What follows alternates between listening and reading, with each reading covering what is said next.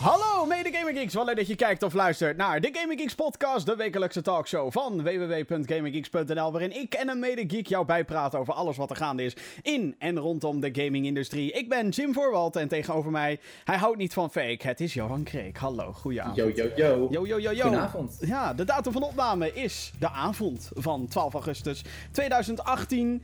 Eh, het is de 48e aflevering van de Gaming Geeks podcast. Ehm, eh, als je denkt, nou, dit vind ik leuk, dit wil ik vaker horen. eh, dat kan. Je kan je abonneren via on- allerlei podcast-app. Google Podcasts, Apple Podcasts. We zijn zelfs te beluisteren op Spotify. En mocht je dit in audiovorm meekrijgen en je denkt, nou, daar wil ik wel op beeld bij hebben. Dat kan. YouTube.com slash GamingGeeksNL. Daar uploaden wij elke week een, een videoversie van deze show. Met gameplaybeeld en Johans hoofd, mijn hoofd. De dingen die je natuurlijk wil zien. En eh, als je echt Uiteraard. benieuwd... Ja, en als je er live bij wil zijn, dat kan. want as we speak zijn we aan het streamen op YouTube. En ook twitch.tv slash gamergeeks live. We gaan het over heel veel leuke dingen hebben. Onder andere ook jouw vragen. Dus eh, stel jouw vragen. Dat kan de hele week trouwens, of je nu live meekijkt, meeluistert of niet. Eh podcast at gamergeeks.nl is dan het e-mailadres waar je moet zijn. Hè hè? Johan, hoe gaat het? Oeh, wat een intro. Ja. Ja, gaat wel goed. Eh, ja, nee, eh, ik, het enige waar ik last van heb is, eh, ik weet niet of het op de stream te zien is. Ik weet niet of jij het kan zien. Maar ik heb al de hele tijd, mijn linkeroog is al de hele tijd een beetje rood. Weet je, een traanoog. Ken je dat? Ik ga nu zeg maar heel diep in jouw ogen kijken. Via het internet. Ja, oké. Ja, ik zie het wel. Ja. Misschien ga ik nu ook daardoor juist dingen zien die ik normaal niet zie. Maar. Oké. Is echt annoying as fuck, want er is eigenlijk niks aan de hand. ik denk dat er gewoon een vuiltje of zo in is gekomen, maar Ah, ja. Voor, de rest, eh, ja, voor de rest gaat het wel goed. Eh, jammer dat eh, het weekend wel weer bijna voorbij is, maar Ja, ja. doe je niks aan. Daar doe je niks aan. Maar goed, elk weekend die er voorbij gaat, betekent weer dat we dichter bij het najaar komen met ontzettend veel goede games. Ja, Of is dat weer iets te, Nee, is dat een te positieve instelling? Eh, nou ja, ja en nee, want ik ja, geef daar best wel veel geld aan uit. Ja. Eh, Dus ja, Ja. ja. want er komen echt heel veel games aan die ik wil spelen. En nee, want eh, daar gaat bijna al mijn geld aan op. Ja. What? No money? Hier! Over eh, hier gesproken, heb jij nog iets gespeeld deze week waar we het even over moeten hebben? Eh, nou, ik heb toevallig eh, eh, voor, ja, van de week heb ik Unravel 2 zitten spelen. Oh, kijk eens het even. tweede deel van Unravel. Oh, echt? En wat, waarbij ik eerst iets zo had van, oh, wat raar dat die, dat die game zo genoemd werd, voordat ik de beelden had gezien tijdens de E3. En nou ja, de 2 slaat op het feit dat je nu met 2 players kan spelen. Mm. Dus het is Unravel 1, eh, maar dan nu met z'n tweetjes. En eh, ja, ze hebben gewoon de en als je dat de zegt, betekent, als je dat zegt, betekent dat dan ook dat het dezelfde levels zijn als Unravel 1? Of zijn het wel, is het wel gewoon een nieuwe Nee, game? nee, nee, nee, eh, absoluut niet. Ah, Nee, oké. eh, je, eh, je gaat ook weg bij, bij dat verhaal, dus je volgt nu een ander verhaal. Het verhaal is een beetje wazig. Wat ik eruit kon opmaken is het volgens mij dat twee jongetjes die vrienden van elkaar zijn of zo, die worden... volgens mij heeft het met huiselijk geweld te maken. Oh. Je hebt, zeg maar, dat is in deel 1 heb je van die schimmen waarin je zeg maar, het verhaal verteld ziet worden. Eh, en dat, dat loopt dan over in, in de gameplay van, ja, eh, van Jarny. En in dit geval dan Arnie, Barney of eh, hè, hoe je het wilt noemen. Die andere, als je met z'n tweeën speelt. En ja, wat ik zeg, volgens mij volg je nu dus twee, twee jongetjes op de vlucht voor in de eerste instantie huiselijk geweld, dacht ik. Maar ja, goed, het verhaal dat is natuurlijk leuk. Eh, is wel iets meer inwisselbaar dan eh, het eerste verhaal. Dat, dat was eh, emotioneel wat sterker. Want even om een plaatje te schetsen, je speelt als eigenlijk een bolletje wol, een, een, een, wolletjesman, mannetje eigenlijk.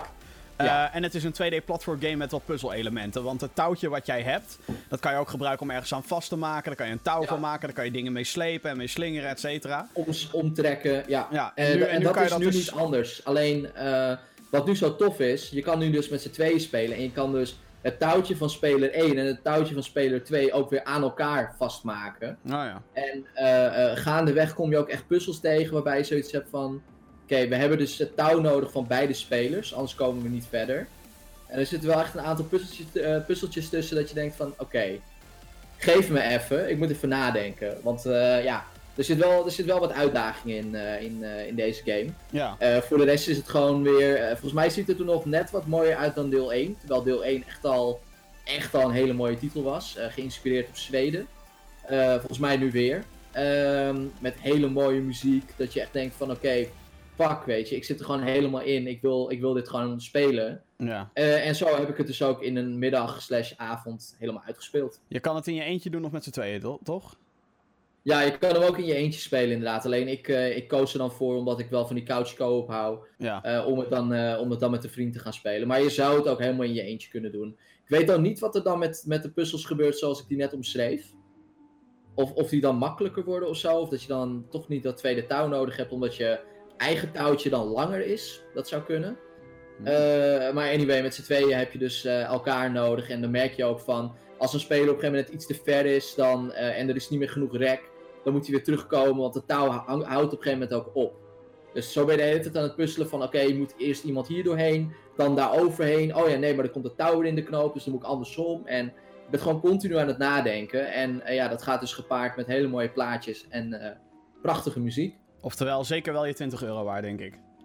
Ja, Is het 20? absoluut. Ja. 100%. Ja, net als één trouwens. En je bent weer aan de slag gegaan met een gouden ouwe. In, in, inmiddels gouden ouwe. Ja, inmiddels gouden ouwe, waar echt letterlijk goud mee verdiend wordt ook op dit moment. nog ja, steeds. inderdaad. GTA Online. Ehm, een vriend van mij die zei van ja, ik speel dat weer met een aantal andere gasten. Eh, jij hebt dat toch ook? Toen zei ik eh, ja, ik zeg maar, ik speel dat op de PC. Ja, shit, dan moet je PC Master Race! Maar goed, zij spelen dus op de PS4. Dus wat heb ik gedaan? Ik heb dus zo'n eh, zo'n bundel gekocht eh, van 30 euro zo, waarin je dus eh, GTA 5 hebt. Ah, met ja. nog een heel online pakket, eh, weet ik veel hoe dat pakket heet. Maar dan krijg je allemaal extra shit erbij, extra monies om mee te beginnen. En ik heb gewoon weer een paar missietjes zitten doen. En ja, ik bedoel, GTA Online is gewoon nog steeds leuk. Ja. Ja, dat lijkt Ik me bedoel, wel. daar kan je heel lang over praten, maar dat is, gewoon, dat is gewoon leuk. En ik denk dat de verkoopcijfers ook wel hebben bepaald dat, eh, dat het heel leuk is. Ja, ja ik, het is zo'n game die ik zelf niet meer speel. Maar dat komt ook omdat je kan zoveel doen in GTA. En dat Ja, klinkt alsof er ik een of ander... tig uitbreidingen uitgekomen. Ja, het klinkt ook alsof ik een of ander PR PR-mannetje ben. Maar ze hebben zoveel updates uitgebracht ook. Dan hebben ze weer eh, een modi erbij, of een mode erbij gestopt. Dan hebben ze weer nieuwe auto's. En dan nieuwe straaljagers. Dan weer een mode die gaat om die gekke auto's en wapens. een limited en event. Ja, het is echt, Ja. echt bizar die game. Ja, Maar het wordt gewoon goed ondersteund. Ja, nu we het daar toch over hebben. eh, deze Ja. week eh, blies het internet ook een beetje op. Althans, op meerdere momenten als het gaat om gaming. Eh, ja, dat waren Maar de makers van GTA 5 zijn natuurlijk bezig met Red Dead Redemption 2.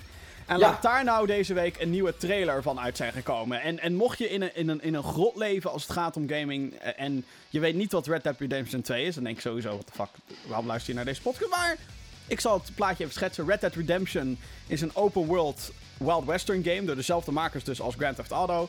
Deel 2 Mhm. komt daar dit jaar van uit. Jarenlang gehype. Eh, en tot nu toe zijn ze eigenlijk heel mysterieus geweest over de game. Hebben eigenlijk alleen nog maar van die cutscene trailers gezien met oeh, kijk het Wilde Westen, oeh, een paard, oeh, een, een dorpje in het Wilde Westen met de cowboys en sheriffs. Ja. En nu hebben we dus eh, een daadwerkelijk zes minuten lang durende. ehm, ja, ook weer wel een trailer gezien. Maar wel waarin ze beweren dat alles gameplay is. En ook daadwerkelijk stukjes die lijken op gameplay. ja, laten we het anders gewoon een presentatie noemen. Want er was ook zo'n eh, zo'n vrouwelijke stem. Ja, Die zeg maar eroverheen sprak en vertelde wat je nou zag. ja. Voor het geval dat je zoiets hebt van, oh, wat zit ik aan te kijken? En- nou, en- dat en- vrouwtje, en- dat helpt jou. En voor degenen die niet snappen van, oké, waarom is dit dan een big deal? Eh, Deze game is zo'n big deal, of moet ik zeggen de studio, is zo'n big deal dat Call of Duty heeft geweken. Die hebben ervoor gezorgd dat zij eerder uitkomen Ja, dan deze game, om hopelijk meer verkoopcijfers binnen te halen. Call maar Duty... Jim, eerlijk is eerlijk. Bijna iedereen zit voor Red Dead Redemption. Ja, maar, nou ja, nou ja, niet iedereen, maar Nou, bijna iedereen. Nintendo Kom, niet, Alles zit, in september, eh, zit bijna in september nu. ja. Of Ja. begin oktober. Ja, begin oktober en, en september. En dan na, na Red Dead Redemption 2 heb je zeg maar de mensen die eh, moeten echt moeten gaan bidden om iets op de PlayStation 4 of de Xbox One te verkopen, denk ik. Maar ja, is die hype eh, terecht? Want we hebben nu pijnlijk. eindelijk beelden gezien. Me- eh, onder andere werd hierbij bevestigd, eerdere geruchten of gelekte documenten, dat het inderdaad gaat om dat je één cowboy bent die een, een kamp heeft. En daar zit dan een hele ja, eigenlijk een mini-gemeenschap met, met eh, vrienden van je die gezinnen hebben, et cetera, et cetera. Daar moet je voor zorgen. Dus je moet daar eten naartoe brengen om de motivatie hoog te houden. Je moet missies voltooien. En wat ik fantastisch vind en wat ook in deze trailer te zien was, is dat jij ehm, op heel veel momenten, schijnbaar, want we hebben het nog niet gespeeld, ehm, kan jij bepalen hoe je dingen aanpakt. Dus ga jij mensen neerschieten, bedreig je mensen, laat je ze gaan, speel je de good guy. Dat zijn allemaal van die dingen. Ehm, ik denk dat ik daarmee ook wel een beetje het, het gros van de trailer heb besproken. We zagen natuurlijk weer het slow motion, dead eye effect, schieten, Ja. vechten, paardrijden natuurlijk. Uiteraard. Is de hype terecht? Ja, eh, eh, eh, kijk. Ik ben, ik ben geen Red Dead Redemption man. Ik heb één nog niet eens gespeeld. What? Ja, ik weet het. Eh, en eh, bij twee, eh, weet je, ik heb dan wel, ik, ik wil het wel proberen, weet je. Dus nu ook, ik heb die trailer aangezet. Ik heb ernaar gekeken en ik denk van, oké, het, weet je, het ziet er goed uit.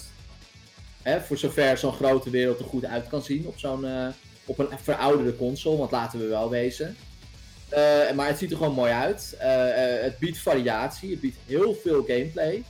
Alleen, ja, de hele tijd heb ik zo'n zo'n stemmetje in mijn hoofd. En die zegt, ja, maar het, is wel, het zijn wel cowboys, joh. Het zijn wel cowboys. Daar hou je eigenlijk niet van. Oh ja, en, eh, ja, dat, en dat merk ik wel de hele tijd. Dus ik er naar te kijken en dan ook in zo'n gesprekje, weet je wel. Dat is echt zo- zo'n, zo'n eh, ik denk zuidelijk accent is echt aangezet. Dan Ja. zo'n eh, redneck-achtig, je weet wat ik bedoel. Dan zo'n ranch-achtig Ja, gewoon een beetje ding. ja, alsof je in de Disney Ranch beland bent en tegen een entertainer praat. Zoiets. Eh, En eh, ja, ik, ik weet het niet. Ik, eh, ik, heb, ik, heb, ik heb daar nou ja, geen probleem mee of zo, maar het trekt mij niet zo. Oké. Ja, ik moet zeggen, ik moet heel eerlijk zeggen, ik wil meer zien. Ik wil weten of er een online mode is. Iedereen gaat er wel van uit. Maar wat dat dan in godsnaam inhoudt. En deze trailer hinten naar dat er nog meer video's binnenkort gaan verschijnen die meer Ja, aspecten uit gaan leggen. Dus, maar ik vond Red Dead Redemption 1, ik heb hem niet heel lang gespeeld, want ik speelde dat dus samen met iemand. Nou, een open world game zoals dit spelen samen met iemand anders is eigenlijk gewoon niet te doen. Maar ehm, de tijd die ik erin heb gestoken, vond ik het wel echt te gek. En ik zat eigenlijk altijd te hopen dat die game ooit naar PC zou komen. Dat is nooit gebeurd. Gaat dat met deel 2 gebeuren? Ik denk het wel, maar dan gaan ze natuurlijk minstens een jaar mee wachten. Dan iedereen die de PS4 of Xbox One versie heeft gekocht. Haha, ik heb de PC-versie, bitch! Net als bij GTA. Ja, Ja, en, en net als met GTA komt deze op een gegeven moment ook nog naar de PS5 en een nieuwe Xbox. ja, ja, zeker, zeker, ongetwijfeld. Ja, ja, zeker. Maar ja, ik, ik ben er wel hyped voor. Ik ben er wel benieuwd naar eigenlijk. Ehm, ik, ik, ik ben vooral nieuwsgierig of het de hype weet waar te maken. Nou ja, het is in ieder geval, laat ik dit zeggen, het is niet alsof we hier te maken hebben met een No Man's Sky, waarin allerlei dingen beloofd worden die niet waar Nee, gemaakt nee, worden. nee, natuurlijk niet. Nee, dus in die zin, eh, ehm, ik, ik heb dit ook wel is Rockstar vertrouwen. North. Ik Ja. bedoel, come on. Ja, precies. Dus ik heb er wel vertrouwen in. Ik eh, ben gewoon heel benieuwd. De trailer ziet er wel echt. Wat jij al zei, dat ze dit uit die hardware nog weten te trekken. Laten we wel weten. Ja, we, we kijken natuurlijk wel. Of we hebben gekeken naar beelden eh, die voor de Pro en de Xbox One X versies zijn natuurlijk. Natuurlijk. De, natuurlijk. dat verbaast je niks. Maar alsnog. Wow. Ja. Zo. Nee, ik, eh, ik, eh, we gaan het zien. Ja. Maar Eh, ja, deze game gaat sowieso verkopen. Een game die ik eh, deze week eh, eh, gespeeld heb en eh, waar, waar ik toch ook even mijn indrukken van moet geven is, jawel dames en heren, Call of Duty Black Ops 4. Koffie, wie wil? er is, eh, de tweede beta is eh, eh, op het moment van de opname volgens mij nog steeds live. Mhm. Ehm, ik eh, ben een PC-gamer voornamelijk. Ik eh, hou van shooters op de PC. Dus als ik de keuze heb om een eh, shooter te spelen, doe ik dat met mijn muis en toetsenbord en niet op de PS4. Dus ik heb hem dit weekend heb ik het even gespeeld. Ehm, Call of Duty is voor mij een lastige, want ik heb jarenlang heb ik Call of Duty echt ontzettend kut gevonden. Ik vond dat je te snel doodging. Ik vind dat je, je het gaat allemaal ah, snel reageren en that's it. Ehm, dat had te maken ook onder andere met het level design in heel veel oudere Call of Duty's die ik gespeeld heb. Dat je echt vanuit elke hoek genakt kan worden. En Ja. daarbij komt ook het feit, durf ik wel te zeggen, ik ben heel slecht in dit soort games. Maar de afgelopen pak een beet maand heb ik dus World War II opgepakt. Ik, ben, ik heb een soort van obsessie nu met World War II, de afgelopen Call of Duty. Ik heb er nu iets van 50 uur in zitten. What the fuck? Ik ben Prestige. Yo. Zo. MLG. Zo. Motherfuckers. Is dit je eerste Prestige Call of Duty? Jazeker. Kijk eens. Dus ik zit Dat erin. is wel een ding. Ja, ik, ik zit er echt in, in World War II. Ik geniet ervan. Ja, er zijn echt dingen die ik ontzettend kut vind. De lag op PC is echt verschrikkelijk. De community is zo toxic als wat. Ik bedoel, als je verliest... Kijk dan maar niet naar de linkerkant van je scherm, want dan zie je daar de chatlog meteen met... noob, nice hacks, idiot, bla, noob, my, my team noob. Nou ja, fuck your mom. ja, exact. Nou, je snapt het wel. Uh, This game is, en nou ja, insert ziekte. Ehm, allemaal, allemaal kloten dat dat, dat dat zo is. Maar goed, dat kan je negeren, weet je wel, whatever. Nu krijgen we dus Black Ops 4. En Black Ops 4 is al een game waar al wat gezeik omheen is geweest. Want de singleplayer campaign is eruit gesloopt. Normaal had je altijd een verhaalstand. Dat was dan eigenlijk een soort actiefilm waar je even doorheen ging. Een beetje vergelijkbaar met een Mission Impossible of met een Skyscraper met Dwayne The Rock Johnson. Ja, het is niet allemaal bijster intelligent. Je moet geen diepgang verwachten, maar het is gewoon wel leuk om te spelen. Gewoon lekker even lekker knallen. Dat is Ja. eruit gehaald. Waardoor ik Ja. ehm, van tevoren al zoiets had van waarom heet deze game Black Ops 4? Want het is geen vervolg op iets. Black Ops 1, 2, 3. Black Ops had waarschijnlijk de beste singleplayer campaign van alle Call of Duty's. Mhm. Die was fantastisch. Ook door het verhaal. Ja, ja. En, Eh, en door de meesten ook geliefd daardoor. Ja, en dan, dan, dan kom je nu met deel 4. En dan Ja. zit het er niet meer in. Nee. Daarnaast komt er een Battle Royale mode. Nou, dat, die, zat niet, die zat niet in de beta. De beta was eigenlijk gewoon Call of Duty multiplayer zoals we het allemaal kenden. Dus Team Deathmatch, eh, control modes waarbij je bepaalde punten moet overnemen of capturen. Dat zijn overigens Mhm. nog steeds mijn favorieten. Als je ook slecht bent in die game, dan is dat echt de beste modes om te spelen. Omdat je dan... Ja, maar ik meen het serieus. Omdat je dan echt die positionering van die maps en die hoekjes veel beter leert kennen. Ja, Omdat je dan gefocust bent op een paar punten. En dat helpt dan ook in Team Deathmatch. Waarin. Ja, ik lach je iedereen. niet uit, hè. ik lach je toe. Ja, nee, dat mag. Eh, waarin iedereen vrij rond mag lopen. Dus vandaar. Maar goed, Ja. ik ehm, heb er dus even mee lopen klooien. En ik snap niet echt waarom deze game bestaat. Dat is een beetje mijn issue met ehm, Call of Duty Black Ops 4. Als je er naar kijkt. Het is alsof je. Alsof de Xbox 360 weer onder je kassie staat. Ja, is het zo erg? Het ziet er echt niet uit. Het is allemaal. Hm. En ik speel op PC, hè. En ik eh, speel dan op een, eh, op een resolutie van 1440p, blablabla, weet ik wat allemaal. Ik heb, Eh, zet de harde schijf. ja, ik heb settings Ja, ja, ja, op high staan, GTX 1080. eh. Anti-aliasing uit. Ja. eh. Maar alsnog, ja, oké, de game draait goed.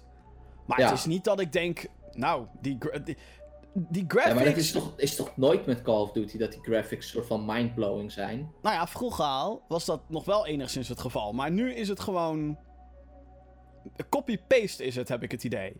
En het zie je ook aan het level design. Want heel veel hoekjes en muurtjes lijken gemaakt om bijvoorbeeld langsheen te rennen. Met jetpacks en double jumps Hmm. en shit. Dingen Hmm. die eruit zijn gesloopt omdat dat voor veel diehard Call of Duty spelers too much werd. Ja. Dus toen ja, ontvingen ze helemaal applaus om, eh, toen ze aankondigden... No wall running, no double jump, no jetpacks, boots on the ground. Boots on the ground gameplay. Het is all boots on the ground gameplay hier. Ja, kijk, bij World War II was het zeg maar logisch dat ze terug naar die basis gingen. Dat, was, dat vond ik ook nog wel vet. Ook vooral het thema van World War II werkt natuurlijk gewoon Mhm. nog heel goed in dit soort shooters. Yup. Maar ja, dan kom je hier en dan, en dan merk je gewoon dat dat level design gewoon ontbreekt. Gemaakt is om, om te double jumpen. Ja, nou ja, of nou, je ziet gewoon heel vaak van die muren. En dan denk ik, ja, eh, hier, hier had je makkelijk langs kunnen rennen, toch? Ehm, ja, en- en- en- maar het probleem is niet. En dat is het erge. Het probleem ligt niet alleen maar bij het level design, het ligt in de hele game. Ik, ik ben er, nu ik deze beta gespeeld heb, heilig van overtuigd dat Call of Duty Black Ops 4 eerst bedoeld was als een heel ander soort Call of Duty. Als een soort Overwatch Call of Duty. De, de Ja. tekens zitten overal, want iedereen Maar dat kiest... gaat, voor, dat gaat naar voren komen in die eh dinges, toch? In die eh, Battle Royale mode. Ja, maar het zit dus ook in al die andere modi, waardoor het dus zo raar wordt. Want eh, je kiest niet alleen een, een, een loadout of een class, waarbij je dus een wapen kiest en de scopes erop en de, de attachments en een, een aantal perks en een eh, score streak. Dus dat zijn dan bijvoorbeeld van die eh, bonussen dat als je drie mensen killt, dan kan je bijvoorbeeld een, een soort recon vliegtuigje oproepen, bijvoorbeeld. Een UAV heet Mhm. dat. Oh ja. ja, die ken ik nog wel. Naast dat kies je dus ook een character die twee abilities kan equippen. Eentje daarvan, iedereen kiest standaard de, de, de health, een soort health adrenaline shot. Waardoor je ehm, heel snel weer herstelt. Dus je health gaat niet... Ja, volgens mij gaat het wel automatisch omhoog, maar dat duurt een tijdje. Ja. Eh, en dan heb je dus een, een, een andere ability. Nou, dat verschilt dus echt per character. Eentje heeft een spawnpunt, de ander heeft een soort barbed wire, waardoor je niet zomaar meer er doorheen, ergens doorheen kan lopen eh, als je van het vijandelijke team bent. En elk personage heeft een soort ultimate. Oh ja. ja En die zag kan- je ook even in die aankondiging, toch? Ja, en dat kan dus zijn een bepaald wapen of een bepaalde beweging waardoor je mensen kan killen. Of eh, eh, een schild wat je kan neerzetten. En het is allemaal wel tof en het is allemaal wel dope, maar het is niet wat ik dan denk Call of Duty. Zeker ook Nee, maar is het, is het ook niet zo dat, dat dit, deze game heet, heet Call of Duty om een aantal redenen? Eén, omdat er een nieuwe Call of Duty moet uitkomen. Ja, Twee, heet die Call of Duty Black Ops, omdat Black Ops eh, tot op heden de beter, beter verkochte game is. Dus dan koppel je daar opnieuw je merk aan. nou, en, en omdat die ontwikkelstudio nu weer aan de beurt is, zeg maar, om er eentje uit te brengen. Dat is er ook één inderdaad. Dus die denken van ja, dan noemen we het ook weer Black Ops. Want Black Ops 3 heeft zo goed verkocht, Black Ops 2 heeft zo goed verkocht. Ja. Nou ja, hè, et cetera. Eh, ja, en dan, dan, dan, ja, dan heb je nog die andere mode, die heet Blackout. ja, dat is die Battle Royale mode inderdaad. Die Ja. PUBG, Fortnite-achtige shit. Ja, en ja, daar is het natuurlijk gewoon. eh, en dat vond ik ook wel grappig. Er werd ook tijdens die presentatie werd dat aangestipt. Zo van. eh, dat, dat, ze, eh, dat Call of Duty eigenlijk meer moet innoveren. En dat zij altijd de innovators zijn geweest. Ja, En ja. dat- wat ik niet snapte hoor, overigens. Ik dacht alleen van. Oké, ik weet wel wanneer je hebt geïnnoveerd. Maar het is al een tijdje geleden. Zeg maar. ja, nou ja, kijk, het, het- het Eh, probleem dat is, is dat ze... Warfare 4. Ja, het probleem is, is dat ze nu zo ver van die volume weggaan. ehm, qua wat je kan en wat de modi zijn en de characters. Maar de basis hebben ze eigenlijk nog niet veranderd. Want ja, iedereen heeft, kan ietsjes meer hebben dan in voorgaande games. Ja. Althans, zo lijkt het. Door het feit dat er nu overal een health bar boven verschijnt. En dat iedereen een getalletje heeft voor zijn health. Wat eerst gewoon, ja, een paar schoten en je bent dood. Maar hier is het ding, dat is nog steeds zo. Als jij Maar- iemand, maar, als jij Jim, iemand betrapt even en die dan, spam hè. je in zijn rug, dan is hij gewoon dood. Punt. Maar mag ik je dan dit vragen? Even heel gechargeerd gezegd. Ja. Is dit dan eigenlijk gewoon een, een, een, een Black Ops 3 on steroids? Is dit gewoon een Ja. upgrade, eh Ja, zo, zo voelt het wel. Enigszins getweakte versie van een Black Ops 3? Ja, want ik heb, ik heb, heel eerlijk, ik heb Black Ops 3 zo goed als niet gespeeld. Volgens mij heb ik toen ook ooit meegedaan aan een beta of zo. En dan zie ik dit, maar dan denk ik, ja, eh, jongens, had dit gewoon als DLC uitgebracht voor fucking Black Ops 3, man. Ja, Black Wat- Ops 3 Blackout, bewijs van. Ja, En dan, ja. En dan misschien nieuwe modi toevoegen eh, of nieuwe gameplay tweaks in de vorm van, van wat je nu aan het doen bent. ja, die characters hadden makkelijk toegevoegd kunnen worden aan een al bestaande Call of Duty game. Ja, En dat is een beetje eh, het ding waar Ja, ik dan ja. mee zit. Het is gewoon niet dat ik denk, oh ja, dit is 60 euro waard. En tuurlijk, ik nee, heb de, ik maar ja, heb- da- en ik heb daar de- leg je de vinger op de zere plek. Want hij moet wel 60 euro gaan verkopen. Ja, ik bedoel, ik heb, de, ik heb de Battle Royale mode natuurlijk niet gespeeld. En ik zal heel eerlijk zeggen, dames en heren, ik heb het best naar mijn zin in die beta. Het is niet alsof het een slechte game is. Helemaal niet. Verre van zelfs. Ik vermaak me echt wel. Ik scheld alles verrot, want ik ben heel slecht. Maar het is wel echt dat ik denk, oh ja, als je die momenten te pakken krijgt, dat je die gasten naakt. En dat, maar het feit dat iemand bijvoorbeeld grenades nu standaard heeft, behalve als het bij de loadout van je klasse slash personage hoort. Oh ja. Nou, dat vind ik zo raar. Ik kan gewoon geen Ja. grenade gooien. Wat de fuck is dat? Ja, had je moeten selecteren. En dat vind ik zo raar, want dan, we, ze willen een tactischere Call of Duty gaan maken. Nou, daar ben ik helemaal voor. Maar je haalt meteen ook die tactiek weg door de grenades weg te halen. En ik snap het, de Ja. abilities vervangen eigenlijk soort van de grenades. Maar het was eerst eigenlijk, had het wel iets doops dat je gewoon een granaat kon gooien. Want hey, elke fucking soldaat heeft granaten bij zich. Dus het is ook. Precies. Ik, ik, ik- snap gewoon heel veel dingen niet.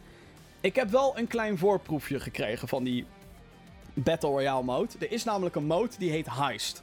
Waarin één team moet eh, geld, een cash drop moeten ze pakken en dan naar een extraction point eh, zien te krijgen. een andere mode in andere games. Maar oké, ja. Aan het begin van elke ronde krijg je een koopmenu. Per kill krijg je cash. Klinkt dit als Counter-Strike? Ja, dit klinkt als motherfucking Ik Counter-Strike. wou net zeggen, dat klinkt, eh, klinkt wel bekend, Ze hebben ja. een motherfucking Counter-Strike mode erin gedaan. Misschien is het helemaal niet nieuw. Voor mij wel in Call of Duty. Alleen is het dat je maar vier rondes hoeft te winnen. En met, het met de cash die je verdient, kan je bijvoorbeeld ook score streaks kopen. Zoals een Ja. aanvalshelikopter. Dus als je Mhm. twee rondes wint, kan je zo'n helikopter oproepen. Kan je bij wijze van iedereen kapot schieten vanuit de lucht. Hier, daar is ronde 3. Dan heb je inmiddels ook alweer zoveel cash binnen. Kan je ronde 4 ook meteen meepakken. Einde match. What the fuck? Klinkt, klinkt als een balancing issue, eh, als ik het zo hoor. En hierin kan je dus ook elkaar omhoog helpen. Waarin je dus een beetje dat Battle Royale dingetje erbij krijgt. En dan moet je health Ja. packs oppakken, je moet ammo pakken, want anders heb je maar één clip in je gun. Dus Mhm. ik, maar als ik het speel, dan heb ik zoiets van... Wat is dit? Dit is, geen, dit is niet Call of Duty. Dit is niet... Wat ik bedenk, Call of Duty is snel. En als je dood bent, ga je opnieuw. Bam, dat is Call of Duty. Ja, ja, maar Jim, het zijn wel innovators natuurlijk. Ja, wat maar nog wel gespeeld met de zogenaamde eh, snelheid van Call of Duty. Dus ik weet niet hoe frustrerend die Battle Royale mode gaat worden. Waarschijnlijk heel erg dat je net een kwartier aan het rondlopen bent. En dan. drrr, oh ja, ik ben dood. Ja, kut. Ja. Oké, doei. That's it. Weet je, what the fuck. Ik, ik, ik... Nogmaals, ik heb het naar mijn zin. Maar ik, ik weet het gewoon niet met het spel. Het, het klinkt alsof ze. ehm, het voelt alsof ze echt een soort Overwatch-achtig iets aan het maken waren. Dat Activision op een gegeven moment heeft gezegd: eh, Jongens, wacht eens even. Eh, kunnen we er gewoon like, weer gewoon Call of Duty van maken? Ja, maar meneer, het is eind 2017. In oktober, november moet onze volgende game uitkomen. Inderdaad. Fix maar. Just do it. Ja, Ja, ik, inderdaad, Ik denk, ja. ik denk dat, dat dat is wat er gebeurd is. Ze hebben namelijk ook zo- al. zoiets is het ook. Ze hebben namelijk ook al gezegd in, in interviews dat ze. ehm eh, hoe heet het? Eh, dat de Battle Royale mode ook pas een jaar in ontwikkeling was. Eh, Ja. Surprise, surprise. Ja. En hier is dus het hele hypocriete. Ja, ik heb er zin in. Maar. Ja, dat, dat wordt toch gewoon. 60 euro, jongen. 60 euro. Ja. Ja. Er zijn eh, mensen die het met liefde doen. Dus, eh, ja, dat is waar. En ik denk ook dat dit als een malle gaat verkopen, daar niet van. Maar of mensen er blij mee gaan zijn, dus natuurlijk een tweede. we gaan het Ja. zien. We gaan het inderdaad zien. Tot zover mijn eh, indrukken over de Call of Duty Black Ops 4 PC beta. Overigens draait hij wel een stuk beter dan World War 2. Dat moet ik er wel even bij zeggen. In het begin had ik echt fucking veel last van lag en performance issues. Maar de avond daarna was het weer opgelost. Dus in dat opzicht. Oké. Het is ook op Battle.net nu in plaats van Steam. Maar goed.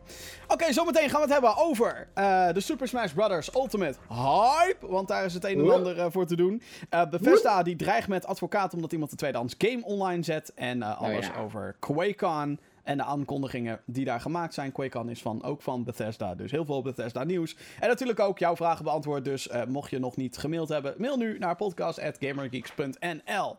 Gaan we eerst naar het gesprek van de dag. En ehm dit is een interessante. Ik lees gewoon even voor wat ik hier geschreven heb.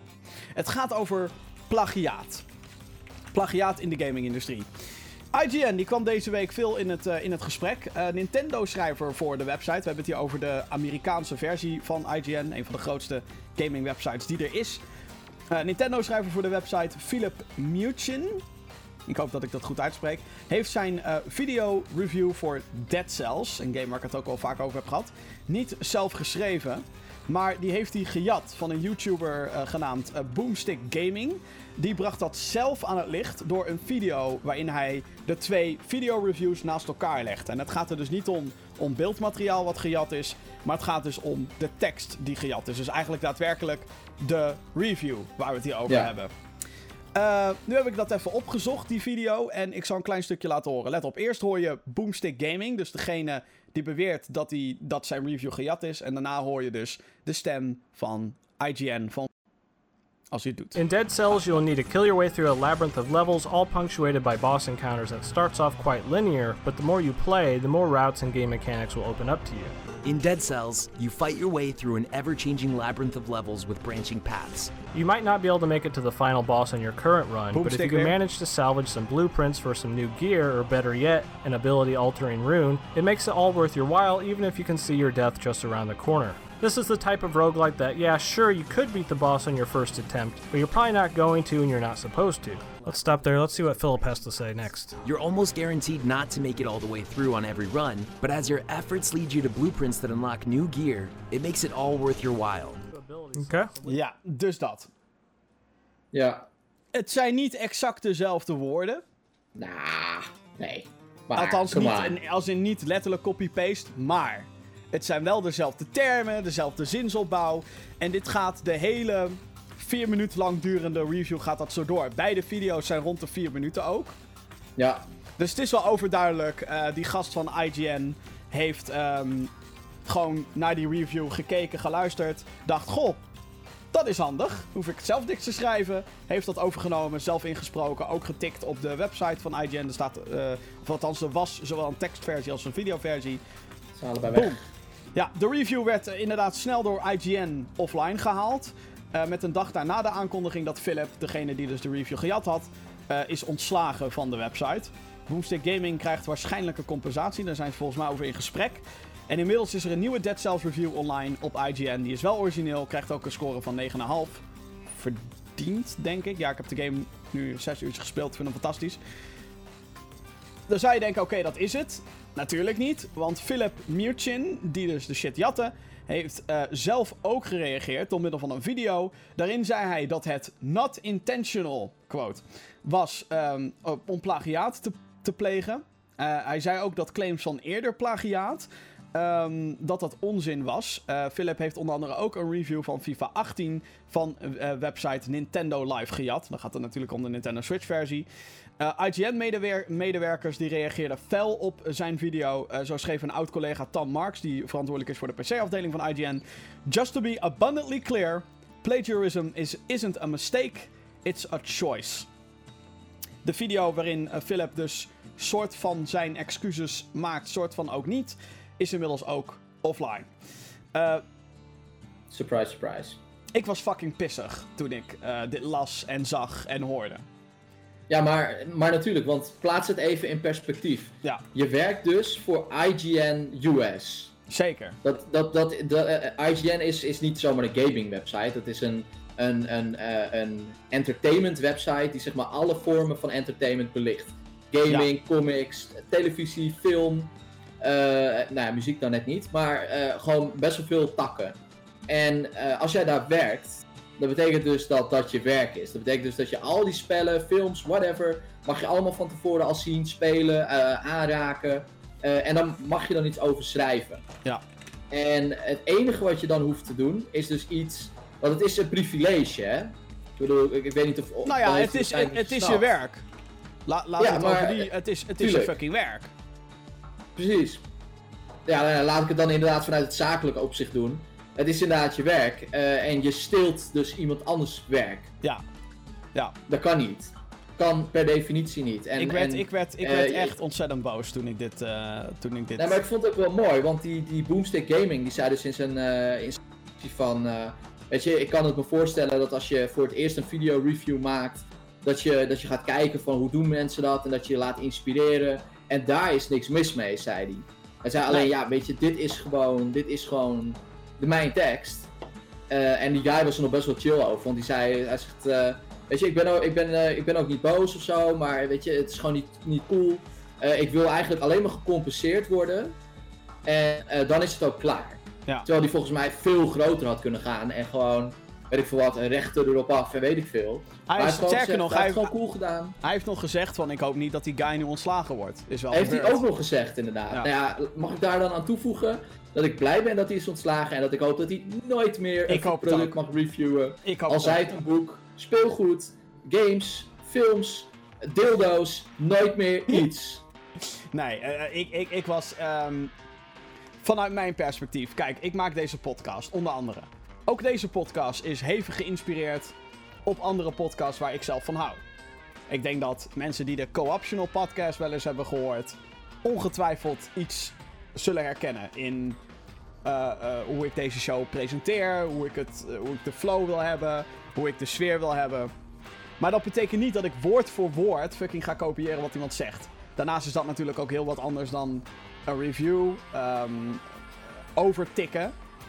Maar wat jij al zegt, je werkt bij fucking IGN. Je hebt zeg maar gewoon een droombaan waar andere mensen voor zouden moorden. Mensen zoals zo'n Boomstick die, die zijn passie erin steekt. Ook ik als gamergeek, weet je wel, wij verdienen geen fuck aan gamergeeks. Het kost ons geld om het te doen.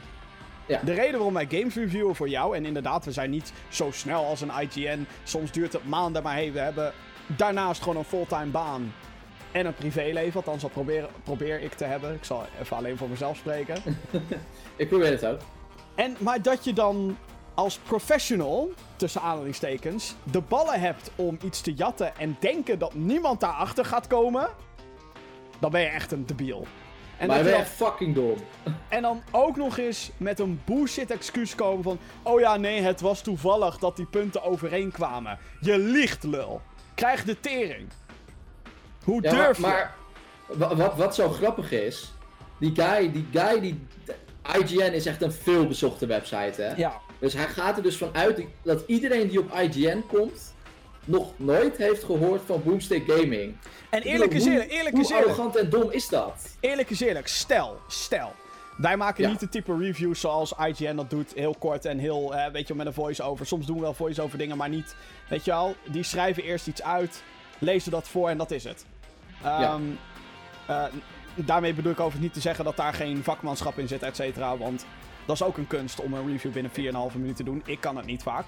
Anyway, ehm, ja nee, ik wil, 40 toch, meestal? ja, ik wil zoveel vertellen altijd over een game als ik het ga reviewen. Maar goed. Ehm, stel dat bijvoorbeeld Power Limited mijn tech zou overnemen. Ja, Ja. ik ben een klein kanaal, maar...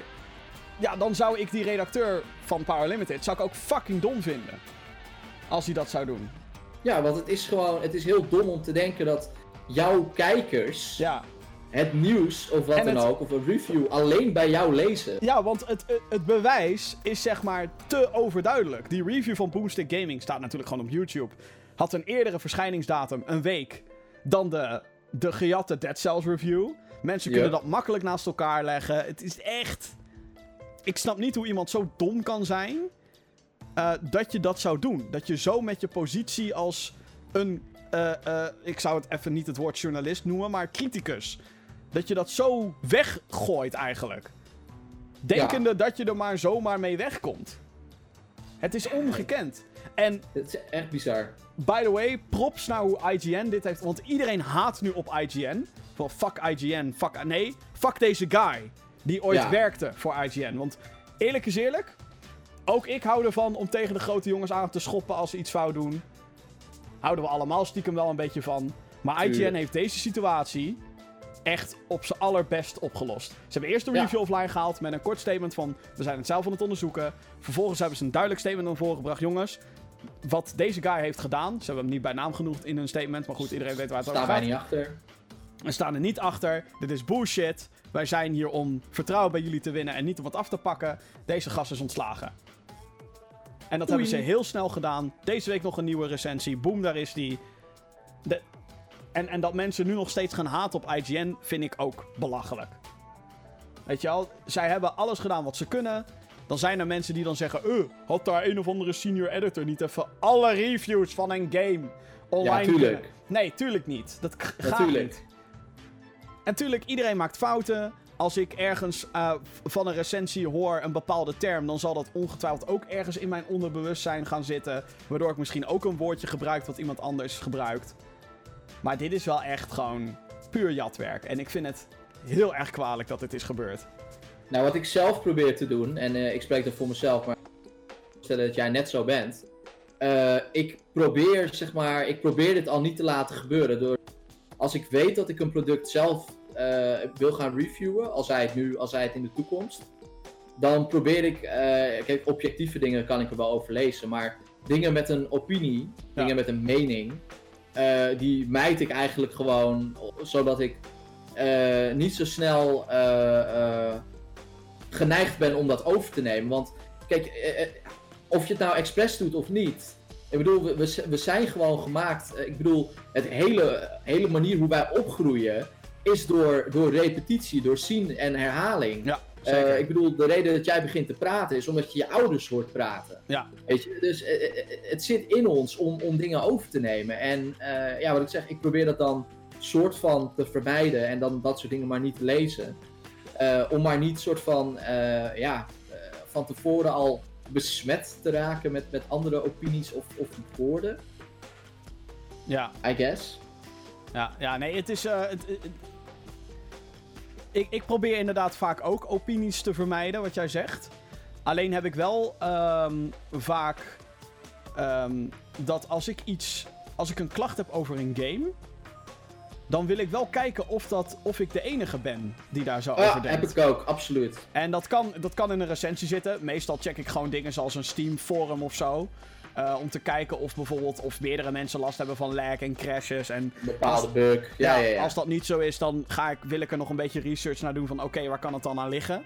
Ehm, Ligt het dan gewoon aan mij? Ben ik gewoon nep? ja, of is mijn PC gewoon kut? Eh, het kan natuurlijk, zeker bij PC-games, kan, kunnen dat soort dingen gewoon voorkomen. Dat uitgerekend deze combinatie van een processor met de software die je geïnstalleerd hebt staan, met Ja. die specifieke videokaart. Soms kan dat. Er is iemand waar ik best wel vaak Heroes of the Storm mee speel. Hij is echt de enige die hier last van heeft. Maar zijn videokaart crasht gewoon als hij Heroes of the Storm probeert te spelen. Waarom? Geen idee. Niemand die Nee, het weet. Ja, het kan. Het Ik is bedoel, gewoon het een rare een bepaalde setup. resolutie zijn. Ja, dus dat soort dingen zoek ik altijd wel op. En dat kan dus in een Steam review zitten. Of misschien wel in een IGN review als ik het echt nergens kan vinden. Maar eer ik daar ben op dat punt, heb ik mijn mening vaak toch wel klaar over een spel. Ja, Dus nee, dat, dat is zo. Dat is zo. En, en kijk, en dat, dat, daar is eigenlijk niks, niks mis mee ook. En, en ik denk. Kijk, anders ga je het spel misschien afzeiken. eh, en, en beoordelen, oneerlijk beoordelen, omdat jij een, een, een foutje maakt. Ja. Terwijl, terwijl zeg maar, alle mensen die het ook spelen, die denken van, waar heb je het over? Ja, precies, ja. En natuurlijk, meningen kunnen altijd verschillen. Meningen kunnen zeker ook overeenkomen. Ik bedoel, we hebben het de hele tijd eigenlijk indirect over Dead Cells. Ook ik vind Dead Cells fantastisch om heel veel redenen die ik dus al in deze reviews gelezen heb. Is het omdat je hem nooit in één keer lijkt uit te spelen op je eerste playthrough en... en... Volgens mij is het dat, omdat het eh, een roguelike is, en dit zei ik eh, vorige week volgens mij ook al in de podcast. Het is een roguelike die je continu blijft belonen. Dus ook al haal je de final boss niet in één keer, ah, gewoon nog een keertje proberen. Eh. En volgens mij was dit al meer mijn eigen woorden met een poging om iemand te imiteren.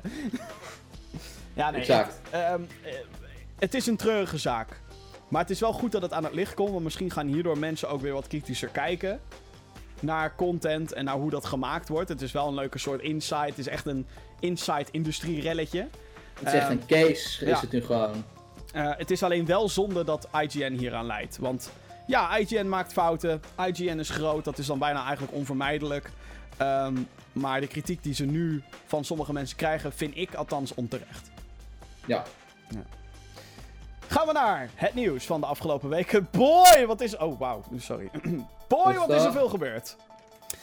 Allereerst, QuakeCon 2018 is eh, volgens mij nu aan zijn slotfase, denk ik. Dat is een eh, evenement in, eh, in Amerika.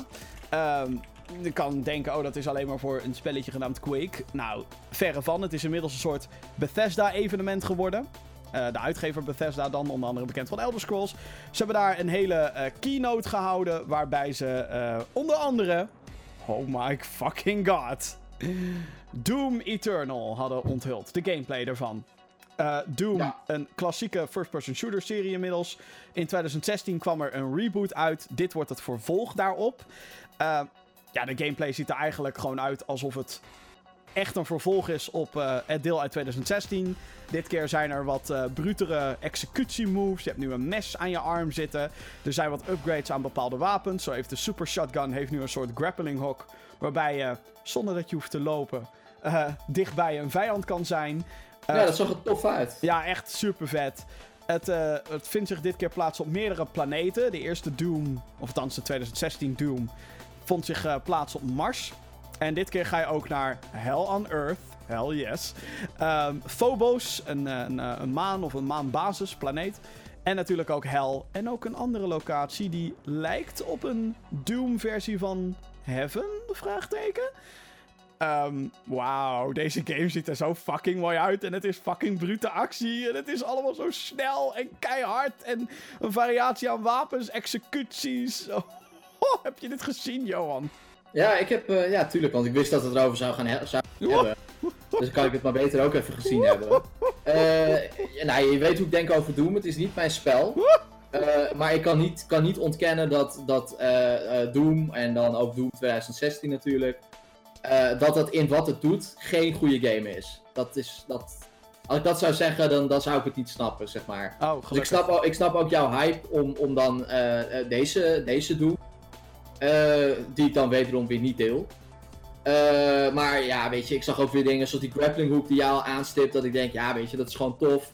En daardoor heb je veel meer die soort van die, ja, die manier om jezelf ook te transporteren door dat, door dat level. En misschien ook een soort van strategie-elementje eh, erbij. Ja, om- je, je moet gewoon echt je nu continu in beweging een, blijven. een vijand heen kan springen terwijl je grappelt. En nou, het, het geeft allemaal net weer in, in een nieuwe, nieuwe inslag, zeg maar. Ja. Ja, het ziet er vet uit. En eh, al die enemies, weet je, het is gewoon allemaal tof game design. Alleen, ja, als het niet je ding is, dan is het niet je ding. Maar Nee, eh, Doom niet. Eternal gaat verder dan Doom 2016. En doet dat denk ik, van wat ik nu heb gezien, in ieder geval eh, subliem. Ja, er zijn ook nog een paar andere details onthuld over de game. Zo zit er een soort multiplayer mode in, dat heet Invasion.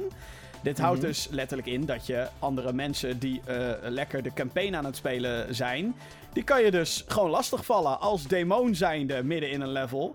Eh, vind ik. Oh, of- À la Bloodborne. ja, à la Bloodborne inderdaad. Eh, dat zal ongetwijfeld op bepaalde punten in een level zijn natuurlijk. Ehm, je kan dit overigens ook gewoon uitzetten als je denkt van fuck, ik wil dat niet. Nou, dat kan. Eh, gewoon die optie uitzetten. Je kan dus ook een eh, heuse party beginnen om, eh, om een beetje met elkaar gewoon random Doomslayers, zo heet, eh, zo heet het hoofdpersonage in Doom. Ehm, ja, om die lastig te gaan vallen. Ik ben vooral heel benieuwd wat je daarmee kan krijgen en wat voor beloningen daar tegenover staan. Want ja, eh, ik bedoel, hallo, hebben het hier over Doom. Dus, eh, Maar is dit dan, de, is dit dan zeg maar wat ik, ik had gelezen en zeiden van eh, die, die snapmap of zo uit 2016, waarin je je eigen maps kon creëren, ja. die, die is eruit gehaald om ruimte te maken voor een mode waar mensen eigenlijk het meest om hebben gevraagd. En toen dacht ik, ja, multiplayer. Is dat dan dit? Nee, ik denk het niet. In Doom 2016 zat inderdaad een snapmap-functie. Dat was een soort level editor. Eh, beloofde heel veel, maakte het niet echt waar. Eh, ik heb toen de game net een maandje uit was of zo, heb ik nog de laatste snapmap dingen geprobeerd. Maar of mensen waren niet creatief, of de, de tool geeft gewoonweg niet genoeg opties. Dat kan.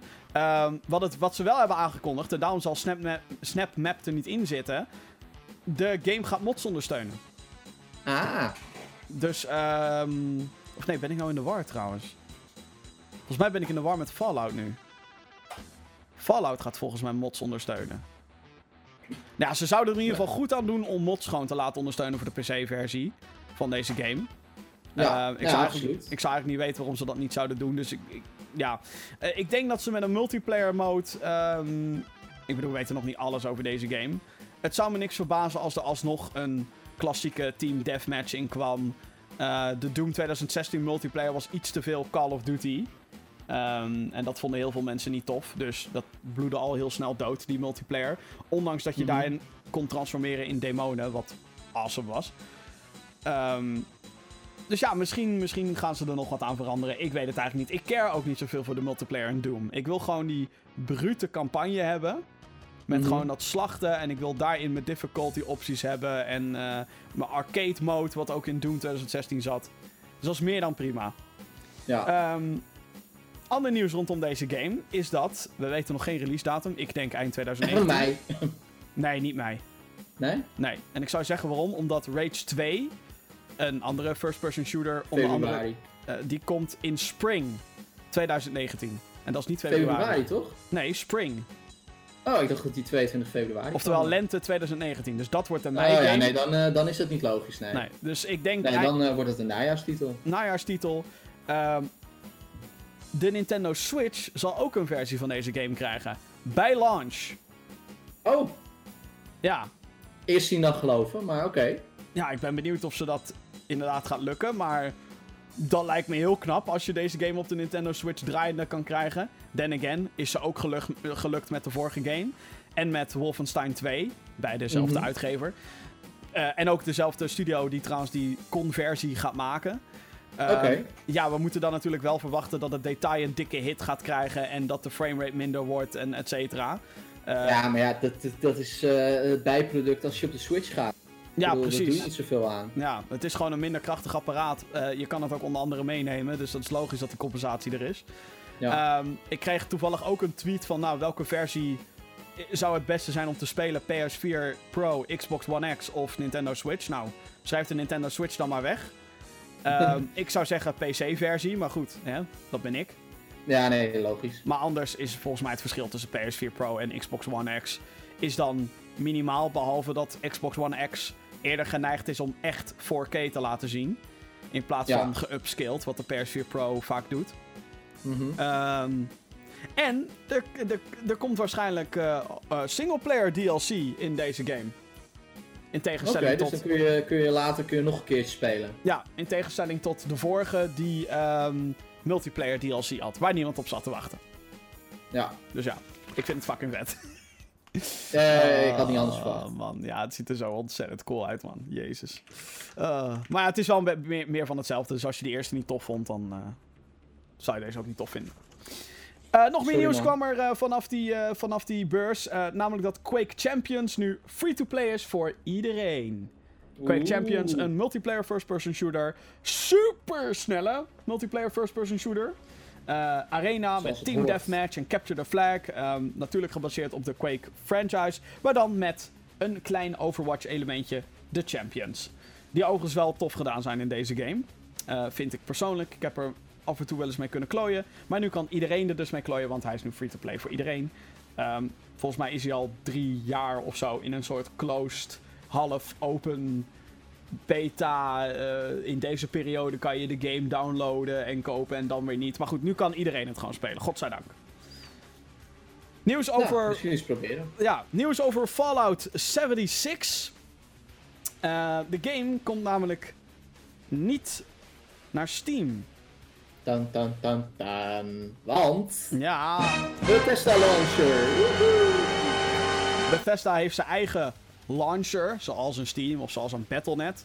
Eh, een programmaatje waarin je dus games uit kan downloaden, kopen, updaten en dus ook opstarten. Bethe- de Bethesda launcher, daar gaat Fallout 76 op komen. Ik vind het een rare beslissing. Persoonlijk. Eh, Bethesda heeft Ja. jarenlang op Steam gezeten. Heeft Ja, veel ook succes. met die workshop en zo. Ja, heeft, ik denk dat heel, heel, heel veel Elder Scrolls 5 Skyrim is verkocht door middel van Steam sales. Ja. Ik denk dat ze daar makkelijk een paar miljoen exemplaren aan te danken hebben. En dan misschien niet alleen voor Skyrim, maar ook met Fallout en eh, Fallout New Vegas en Fallout 3 en Fallout 4, ja. et cetera, et cetera. Ehm, dus dat ze nu deze Switch gaan maken, opvallend. Niet geheel onverwacht, want hey, geef ons alle macht, geef ons al het geld. Ja. Ja, nee, eh, dat klopt. En eh, daarmee kunnen we meteen ook vaststellen dat eh, Fallout dus ook niet verkrijgbaar is. Discord shop. Want Ja. er is er nog eentje bijgekomen. Nog Yay. een verkooppunt van digitale games. Ja, de, de, de, ja, hoe moet je het zeggen? Voice-over IP app? Ja, het is eigenlijk gewoon de vervanger Ja. voor Skype geworden, want Skype is kut. Discord. Eh, die die, die gaat, eh, heeft inderdaad een eigen webshop geopend waar je ook games digitaal kan halen.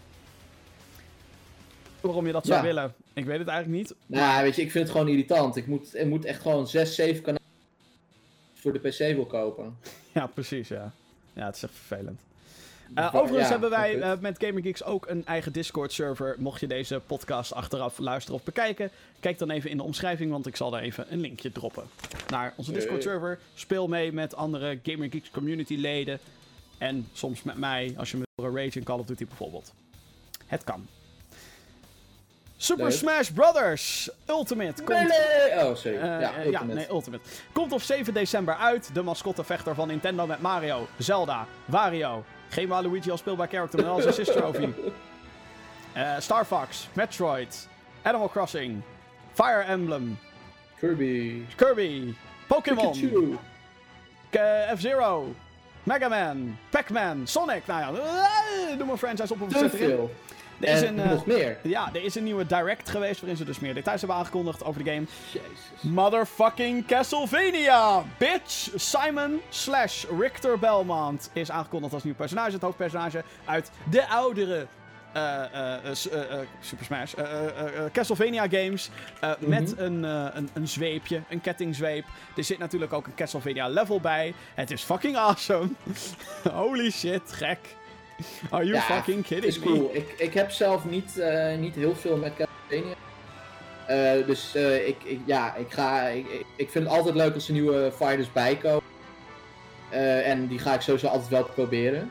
Ja. En, en Richter was dan geloof ik het Echo-personage, toch? Ja, in de Super Smash Bros. Ultimate heb je naast de personages die er zijn ook zogenaamde clone characters. Ik zie het als een soort skin met her een klein gameplay tweakje her en der. Eh, en Richter is daar inderdaad een clone character van. Eh, of uh, terwijl een Echo. Dus je hebt Ja. Peach en je hebt Daisy en dan is Daisy de Echo van Peach. Ja. ja. Eh, super dope. Eh, niet alleen dat, ook King K. Rool uit Donkey Kong Country. Die betreedt de arena, de bad guy van Donkey Kong Country. Eh, best wel onverwacht, want eigenlijk wilde Nintendo een beetje die, de characters daaruit doodzwijgen. Met uitzondering van Diddy Kong en Dixie Kong. Ja, inderdaad. En er zijn allerlei multiplayer opties aangekondigd. Je kan van alles en nog wat aanpassen qua hoe jij wil spelen. Dat kan echt in deze game. Ehm, bijvoorbeeld, deze vond ik heel erg vet. Je kan een, een Final Smash kan je nu doen zonder het gebruik van een Smashball item. En die kun je ook weer uitzetten. Dat kan je ook weer ze uitzetten. Ja, dat zal dan een lichtere versie zijn als diegene met de Smashball. Maar wel dope dat je dat nu kan aanzetten in een semi-serieuze match. Waarin je. Final Destination, 5 stock, no items. Maar wel Final En dan Smash. springen naar die bal. Ja, maar dat was dus leem. Dat hoeft dus nu niet meer. Je kan nu, dus Nee. nu een soort van balkje vullen. Vind ik fucking vet. Echt heel erg vet. Vind ik cool. Eh, daarnaast eh, nog meer van die Echo-characters, zoals Dark Samus. Oh my god. En Chrom uit Fire Emblem. Joepie. Ja. En wat details over hoeveel er in deze game gaat zitten. Ja, tering. Eh 103 levels. Yep. Tot nu 100... toe dan, hè? Nee, nee, nee, dit wordt het totale aantal. Oh, dat, oh, dat is... eh oké, nou, geloof ik niet, maar oké. 103 motherfucking levels. Holy shit. Dat zijn Ja. er veel. Ze gaan natuurlijk heel veel ehm, hergebruiken uit oudere games. De meeste met een grafische upgrade. Hyrule Castle. Met uitzondering van de N64 levels. Die laten ze expres wat pixeliger en wat... maar Saffron City. zo vet. Eh, en 800 stukken muziek. Ja, En 900 als je daarbij alle jingletjes, et cetera, et cetera, meetelt. What the fuck? ja wat, wat, wat was het nou? Was het 28 uur aan muziek of zo? Ja, 28 uur aan muziek. Als je alles achter elkaar zou afspelen zonder te loopen. Ja, Hoe hebben fuck? zoveel aangekondigd. Alleen wat, wat, wat ik graag had willen zien. eh, en eh, wellicht komt dat nog, want er komt sowieso nog een direct. Want eh, een van de opties die stond nog geblurred. Eh, daar is het internet nu helemaal op los aan het gaan van wat dat dan kan zijn. Ja, Goed, dat zien we binnenkort. Eh, maar ik hoop op een story mode. Ik bedoel, die, je zag een aantal cutscenes. eh, waarin Luigi niet vermoord werd. eh, al dus Nintendo. Ehm, en die, die cutscenes zien er gewoon heel vet uit. En ik zou dus heel graag iets zien van een, van een story mode. Omdat, eh, eh, kijk, Smash is natuurlijk een multiplayer game. Eh, en die ga, je, die ga je weer met vrienden de bank spelen, hè, kratje bier game. En die ga je online doen via het Nintendo-platform natuurlijk, wat september lanceert. Waar ongetwijfeld nog meer over duidelijk gaat worden in een volgende Smash Direct. Ehm, maar ja, wat nou als je dat even niet wil doen en je wilt wel gewoon smashen? Dan is het toch leuk als er een soort van verhaallijn is waarom al die personages soort bij elkaar zijn en dat die, dat die iets te doen hebben of dat er dat er bepaalde samenstellingen worden gemaakt van een x aantal personages die het opnemen tegen, eh weet ik veel wat, tegen een ander personage. Ik, ik, zou, ik, ik snap dat dat niet de, de, de main eh, catch is van dit spel, of van de reeks als een geheel. Eh, maar ik zou dat wel tof vinden. En ik zou het ook meteen snappen als het er niet in zit. Omdat ik, eh, ik zat te kijken naar die eh, Sakurai, zeg maar de, de game director. Mhm. En ik da- die dacht volgens mij alleen maar bij zichzelf van... Waar de fuck ben ik aan begonnen? Als het 7 december is, dan ga ik gewoon op vakantie en dan plan ik ook niet om terug te komen. Ja, nee, maar echt. Gewoon. Die guy komt... Dit, dit, ik denk ook dat dit serieus zijn laatste Smash is. Ja, Dat is zei hij ook al bij de vorige, hè? Ja, en bij de, de keer daarvoor en de keer daarvoor. Maar ja. Ja, denk- nee, het, het, ja. dit, dit hoorde ik ook al in een andere podcast voorbij komen afgelopen week. Maar, ehm, en ik wil dat graag hier echoen, om maar even in de Smash Brothers termen te blijven. Copyright, kind of funny. Ehm, maar eh, daar zei een gast van, ik denk de reden waarom dit Ultimate heet, om- is omdat Sakurai, die director dus, Zijn zwanenzang. dit is voor hem de Ultimate Smash. Tuurlijk zal er hierna nog een Super Smash Brothers komen op een volgend Nintendo-platform. Maar voor hem is dit done. Ja. Het kan ook niet anders. eh, Ik, dacht, ik, dacht, ik dacht over de Wii U-game, dacht ik al. Waarom... Hoe, hoe kan je nog over de Wii U-versie heen gaan? Nou, het is er gelukt. Ja, Hashtag En hoe? everyone is here. what the fuck gewoon. En ja, en, en een beetje leem dat ze dan Waluigi wel aan... eh, in de vorm van twee stoeltjes. Nou ja, ik vond het fucking lame dat Shovel Knight nu een fucking assist trophy is. Ik wilde Ja, hem als ik, ik moest nog een traantje voor je laten. Sorry, man. Sorry. Nu is het nu is Dev natuurlijk. Nee, ik wil Shovel Knight. Ja, en geen Goku. Goku, eh, de, de voice actor, die heeft ook... Dat hij niet benaderd is voor Smash. Nee, ja, maar dat Om is... alle, om alle hoop uit de wereld gewoon weg te zuigen. Nou, het is logisch, jongens. Logisch, logisch. Hoezo, jongen? Goku eh, is vet. Ja, maar komt uit een anime, niet uit een videogame. Ik weet Of het. uit een manga zelfs. Wow. Gelukkig Voor- hebben we- voor- hebben voor- we Voordat ik de nerds eh. op me afkrijg, komt uit een manga van oorsprong. Dat werd een anime en daar zijn we videogames van gemaakt. Exact. Goed. Bethesda. Ja, we Eh, hebben, weer? eh, ja, heel veel goed nieuws rondom Bethesda. Ook wat minder nieuws. Eh, dit eh, kreeg heel veel mensen boos op het internet. Bethesda heeft het verkopen van een gesielde game, The Evil Within 2 was het in dit geval voor de PS4 geloof ik, verboden. Ja. Wat? Eh, eh, een verkoper wilde op de Amerikaanse site eh, Amazon dus de game verkopen. Van, jou, ik heb hier een gesielde The Evil Within 2. Nog niet aangeraakt. Hij is nieuw daardoor. Neem hem Ehm, alsjeblieft van me af. En, en ja, hier, ik bied hem bij deze als verkoop aan. Hij kreeg een dreigbrief van de advocaten van Bethesda. ehm, van, hey, haal die advertentie eraf, want jij hebt niet fucking toestemming om onze games te verkopen, lul.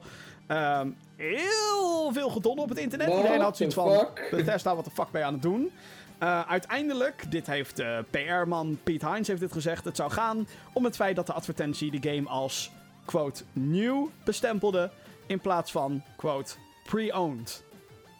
Als hij had gezegd pre-owned, was er niks aan de hand geweest. Maar het feit dat hij nieuw zegt, mm, wat de fuck. Ja, maar, maar ik bedoel, eh, eh, één, dat is natuurlijk gewoon een, een belachelijke kutreden. Want, want wie zijn zij om te bepalen hoe jij je product aanbiedt? Ik bedoel, kijk, als iets echt gewoon helemaal afgeracht is en je zet het als nieuw op marktplaats, ben je gewoon een lul. Ja. Weet je, heel simpel. En dan, dan is het ook niet waar. Eh, maar ik heb ook hier gesielde games staan. Sterker nog, ik heb gesielde games op marktplaats staan. En weet je wat daarbij staat? Nieuw. en weet je waarom? Omdat ik ze niet heb aangeraakt. Ze zijn niet open als nieuw. Dus. Eh, en, en, en tegelijkertijd denk ik van.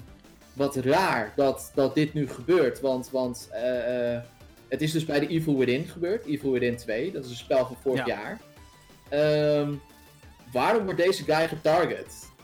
Ja, What the fuck? heel raar. Ik bedoel, waar- ik, mis, ik mis een beetje het haakje waarom, waarom nou net hij.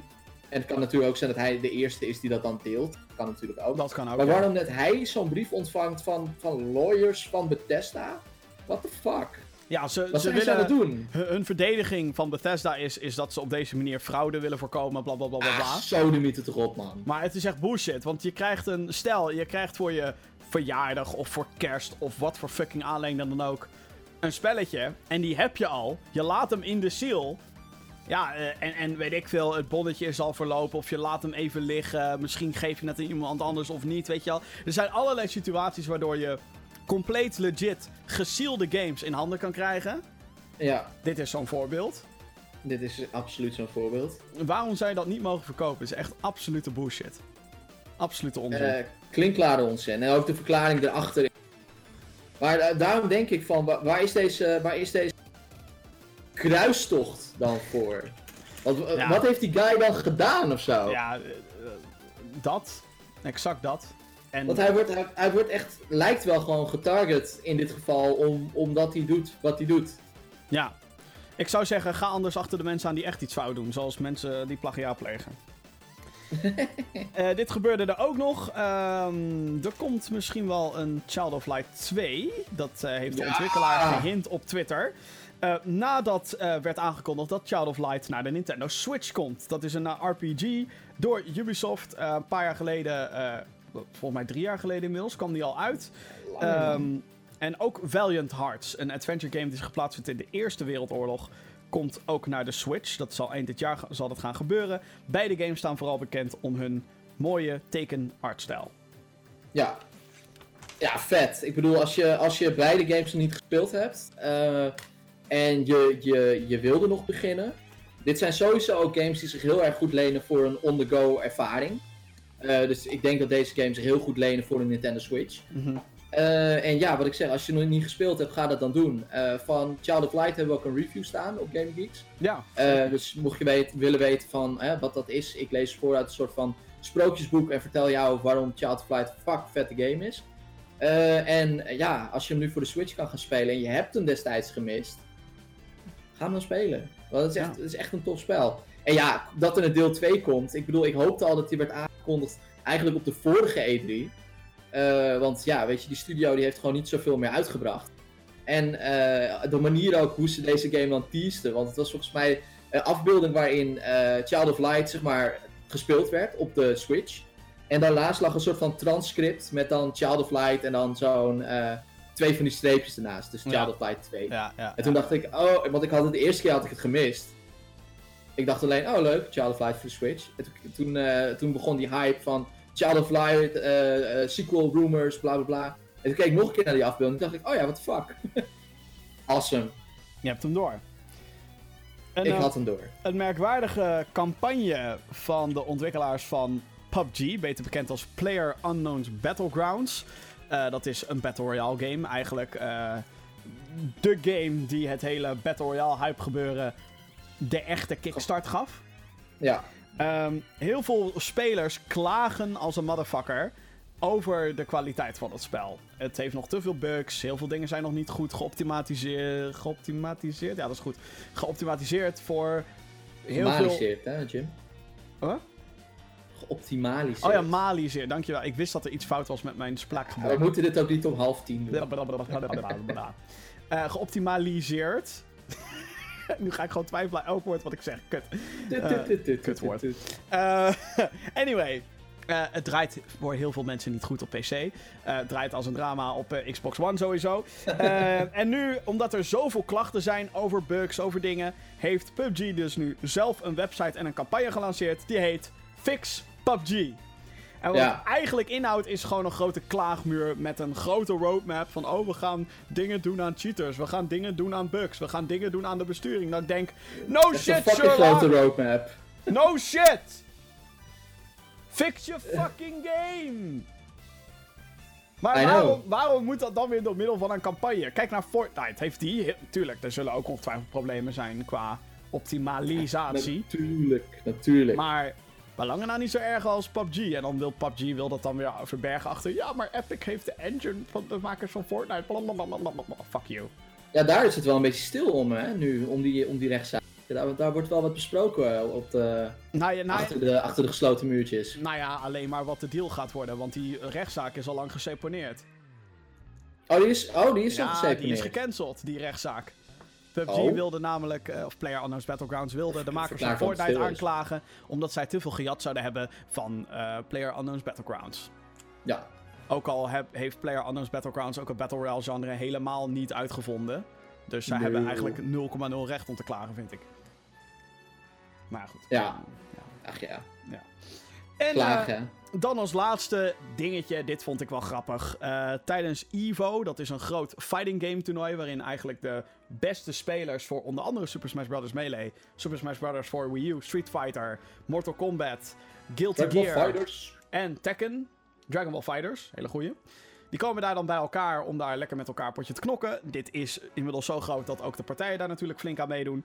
Daar is de tweede Season Pass voor Tekken 7 aangekondigd met als opmerkelijk guest character Negan uit The Walking Dead. Wet. Fucking vet. Ja, grappig. Ja, ik, ik, eh, ik kijk de serie niet meer. Dus ik weet niet wat zijn relevantie is in een fighting game. Oh, maar hij is fucking vet. Ze hebben hem wel een beetje geweest, want de laatste paar seizoenen van The Walking Dead waren gewoon eh, inderdaad ook niet heel sterk. Maar- de serie bestaat over twee jaar niet meer. Het, eh, nee, zeker niet. Nee? Nee. Ehm, Sorry, sorry, sorry. zeker als je het nieuws rondom die serie hebt gevolgd, dan... eh, Precies. Maar ehm, ja, dat dit character er dan wel in komt, dat vind ik wel heel erg vet. Eh, het is ook echt AMC, een samenwerking tussen AMC en eh, Bandai Namco in dit geval. De makers van Tekken 7 en de uitgever. Mhm. Dus dat zou zomaar betekenen dat Jeffrey Dean Morgan ook eh, de stem gaat doen. Nu is dat volgens mij nog helemaal niet bevestigd, maar ze gebruikten ook de Ik zinnetjes. hoorde wel het fluitje. Ja, en het fluitje uit de serie, dus. Denk het wel. Ik Ja. denk dat die kans er wel in Ja. zit. Leuk voor de mensen. Jij hebt Tekken 7, toch? Ja, zeker, ja. Ga jij, ga jij dan, eh, doe jij iets met die season passes of eh, speel jij helemaal niet meer? Nou ja, ik moet dus heel eerlijk zeggen, ik heb dus Tekken 7 echt amper gespeeld. En ik ben echt groot Tekken-fan. Ja, je was zo'n hype voor ik die Tekken was 7. zo hè? hype, het duurde, maar het duurde zo lang voordat hij er was. Dat is wel waar, Ik maar dat is al altijd. echt serieus iets van vier jaar hebben ze erover gedaan om die game van arcade naar PS4 te brengen. Wat de fuck hebben ze Hoe, gedaan in hoe, die hoe vier lang jaar? zit ik op een nieuw Soul Calibur te wachten? Nou ja, nu eind dit jaar komt hij. Maar, maar ja, omdat Tekken 7 eindelijk af was. ja, maar hoe lang hebben ze erover gedaan om die game van arcade naar PS4 te porten? What the fuck? Ja, 5, 6 jaar. Ja, bullshit. Bullshit. Ja, Sorry, ik, ik weet ook niet wat daar eh, de bedoeling van was, maar ehm, dat was pijnlijk. Dat ik zeg maar op, op internet las ik allemaal dingen over Tekken 7, de arcade game. Ja, hallo, fuck you. Breng die shit naar fucking... Nou goed, PS4. PS4 voor de players. Maar amper tijd voor gehad. Het is echt heel slecht. Maar ik wil, ja, Nou, het is wel, jammer wel, gewoon weer Tekken. Alsof ik hier inderdaad een hele season pass voor ga kopen, eh, dat weet ik niet. Nee, dat denk ik dan niet. Nou goed. Nou goed, je hebt Eh, gekkere dingen gedaan. Ja, we gaan eindelijk de mailbox openen. Podcast.gamergeeks.nl, dat is het mailadres waar jij de hele week kan, eh, je, je, klachten kan dumpen of je vragen. Het liefste die het laatste. Over videogames of alles wat daar enigszins mee te maken heeft. Lijkt me leuk. Allereerst een vraag van Jens. Wat verwacht je van Oculus Connect 5? Wat denk je bijvoorbeeld van de Oculus Rift 2? Vraagteken. Al dus Jens. Eh, voor degenen die het niet weten, ik heb zo- Oh, ik snap nu zijn, zijn zin vast. ja. Ja. Ik, ehm, ik heb het even moeten googlen. Wat de fuck is Oculus Connect? Dat is dus een beurs van Oculus voor Oculus fans. Voor de Oculus players. Ehm, dat is eind september dit jaar. De vijfde editie dus. Ehm, wordt daar iets aangekondigd? Misschien een Oculus Rift 2. Ik denk dat dat een beetje de strekking van de vraag is. Ik Mhm. weet het niet. Hoe gaat het met Oculus eigenlijk? Ik heb geen idee.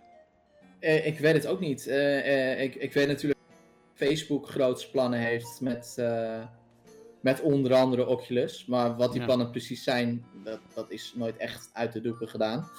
Eh, ik, ja, ik, weet- ik weet niet hoe Oculus het heeft gedaan. Ik bedoel, eh, ik vind het, ik vind het een hele moeilijke pitch als een, als een consumentenproduct. Ja. Weet je, mensen zeggen wel eens van, oh, zo'n PlayStation 4, 500 euro, dat is veel geld. Dan denk ik van, ja, oké, maar als je, als je dat hebt, dan ben je er wel, zeg maar. Dan koop je een controller bij en een spelletje en dan kun je spelen. Maar als je een Oculus wil hebben, dan moet je ook nog eens een computer hebben die die Oculus helemaal kan ondersteunen. Dus het is best wel, best wel een investering. En het is niet, ik vind het daarom geen consumentenproduct. Ik denk, ik, ik denk Ehm. dat dat echt. ehm, ik, ik heb nog niet heel veel met een Oculus en met een Vive kunnen spelen. Dat is die andere grote concurrent. Maar het Mhm. is gewoon nu te duur voor. ehm, om het aantrekkelijk te maken. En de PlayStation VR, hoe tof sommige dingen ook zijn. En dat meen ik oprecht, want sommige dingen vind ik echt te gek op PSVR. Mhm. Maar de resolutie is nog zo laag. En het is nog zo beperkt Ja, qua wat je we, kan doen. Maar dat we komt waren te vroeg. ja, we zijn gewoon te vroeg nog. Het staat echt nog in zijn kinderschoenen. Ehm, ja, Vive doet echt al goede dingen met een Vive Pro, heet dat ding, geloof ik. De nieuwe Vive is dat. Met Mhm. een hoge resolutie, wireless, eh, wireless, dus je hebt dan geen kabel meer aan je hoofd zitten. Dat soort shit moeten we hebben. Ja, Kost dan ja, allemaal extra geld, want je moet dan zo'n draadloze connector kopen. Hier, 200, 300 euro zo kost dat. Bam. Hatsa, ja. En de 5 Pro met die nieuwe, oh hier, 1200 euro. Bij wijze van, ik weet de exacte prijs niet. Maar... En dan nog een PC van 25 rond. En dan nog een PC die dat allemaal op een goede manier kan draaien. Want je moet twee keer moet je die resolutie moet, eh, zien te draaien. In een veel hogere framerate dan 30. Ja, oké, dus geen 2500, gewoon maak er maar 4000 van. Als je de PC erbij moet kopen, wel natuurlijk. Maar dat is net zoals met Ja. de PlayStation. De eh, Sony gaat er natuurlijk al vanuit dat je al een PS4 hebt als je enigszins geïnteresseerd bent in PSVR. Ja, oké, fair, fair enough. Maar goed, ja, eh, Oculus Rift 2, ik, eh, ik weet niet wat we daarvan moeten verwachten. Ik, ehm, eh, wat, wa- waar ik me aan erger, is dat Oculus echt exclusive games voor zich eigent. En Ja. ik denk dat in een... Zoals die vette Marvel game, holy shit. Ja, maar ik denk dat in een beperkte markt waar VR nu in zit... denk ik niet dat het handig is om nu Nee, VR-games exclusief te gaan zitten opeisen. Dat is gewoon niet goed voor de VR-industrie. Het is niet goed voor mij als PSVR-bezitter. Het is niet goed voor de Vive-bezitters, dus die kopen die game al, eh, al niet. En tuurlijk, Sony doet hetzelfde met PSVR. Daar denk ik eigenlijk ook van, joh, eh, zorg er ook gewoon voor dat die games naar Oculus en niet. Vive komen. ja, precies. Goed, ja, dat ben ik. Nee, eh, ik bedoel, ik snap het. En, en, maar ik snap, ik snap een Oculus ook wel weer. Dat ze dan denken, als we zo'n Marvel, eh, Marvel superhelden game hebben. Waarin je dus in VR speelt als een Spider-Man, een Wolverine en, en, en weet ik veel wat. Eh, ik, ik snap wel dat, dat, dat zij daarmee denken van, nou, nou hebben we misschien wel een, een, eh, een interessante pitch. Om te zeggen van, nou, hier, kijk. Ja. Marvel, Oculus, Hatsa. Ik denk dat met VR moeten we het, eh, denk ik, voorlopig hebben van eh, VR arcadehallen, denk ik. Ik denk dat dat een beetje de richting is waar we voor nu op moeten gaan. Eh, Dat het eerst dat wordt, voordat het inderdaad Ja, van die, eh, van die meer plekken eh, waar huiskamer je, wordt. wij hebben dat toevallig op Gamescom hebben we dat ook gezien vorig jaar. Plekken waar je dan een heel pak aan moet doen en dat wordt dan allemaal gescand en een VR-bril op je kop en dat je op die manier echt rond moet lopen in een, in een ruimte. Dat is de echte VR-ervaring natuurlijk. Ja, omdat je alle bolletjes van het ding afloopt. Ja. Ja. Yo geeks, ik ben een speedrunner en ik vroeg me af, wat vinden jullie van speedrunnen? Groetjes van Lucas. Ik vind het altijd wel snel. Yo. Yo. Nee, en wat vind ik van speedrunnen? Ik vind het een kunst op zich. Eerlijk waar. Ik vind het echt kunst. Ik, eh, ik kan het niet, dat ten eerste. Ehm Ik, nee, maar ik kan ook niet kunst, kunst. Ik ben ook geen kunstenaar. Dus. Nou, Jawel, Johan, kom ja, dat, dat is hoe je het bekijkt. Niet een Super Smash, laten we dat... eh, hè, dat zijn dus Eh, gewoon cheap oh, shots. hey, eh, ga- gaan we het nu over Super Smash hebben? Wil je dat nu doen? Oh, Beef, beef, beef, beef.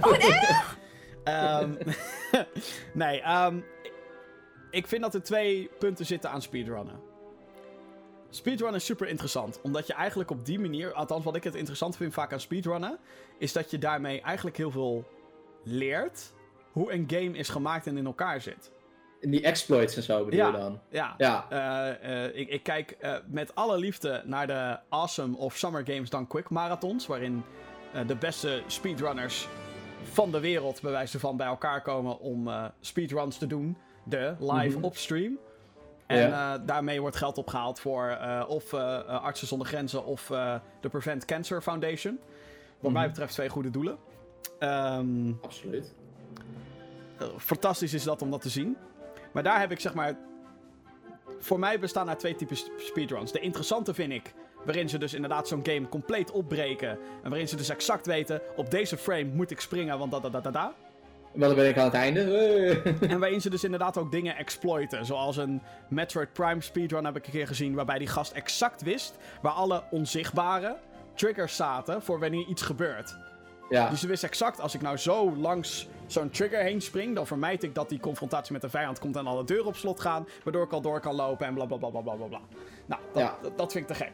Maar dan heb je ook speedruns met, bij voornamelijk gebroken spellen. Waarbij er een bug of glitch in zit, die ze dan dusdanig erg misbruiken, dat er eigenlijk niks meer van gameplay overblijft. Een goed voorbeeld Ja, hiervan... dat je gewoon de hele tijd onder, onder de wereld zit. Of... Ja, een goed voorbeeld hiervan Ja. was- was Tomb Raider Anniversary. Daar moest je een of andere glitch doen dat je dan door een muur heen ging. En dan moet je blijven rollen. Dus die guy kon letterlijk langs een level heen rollen.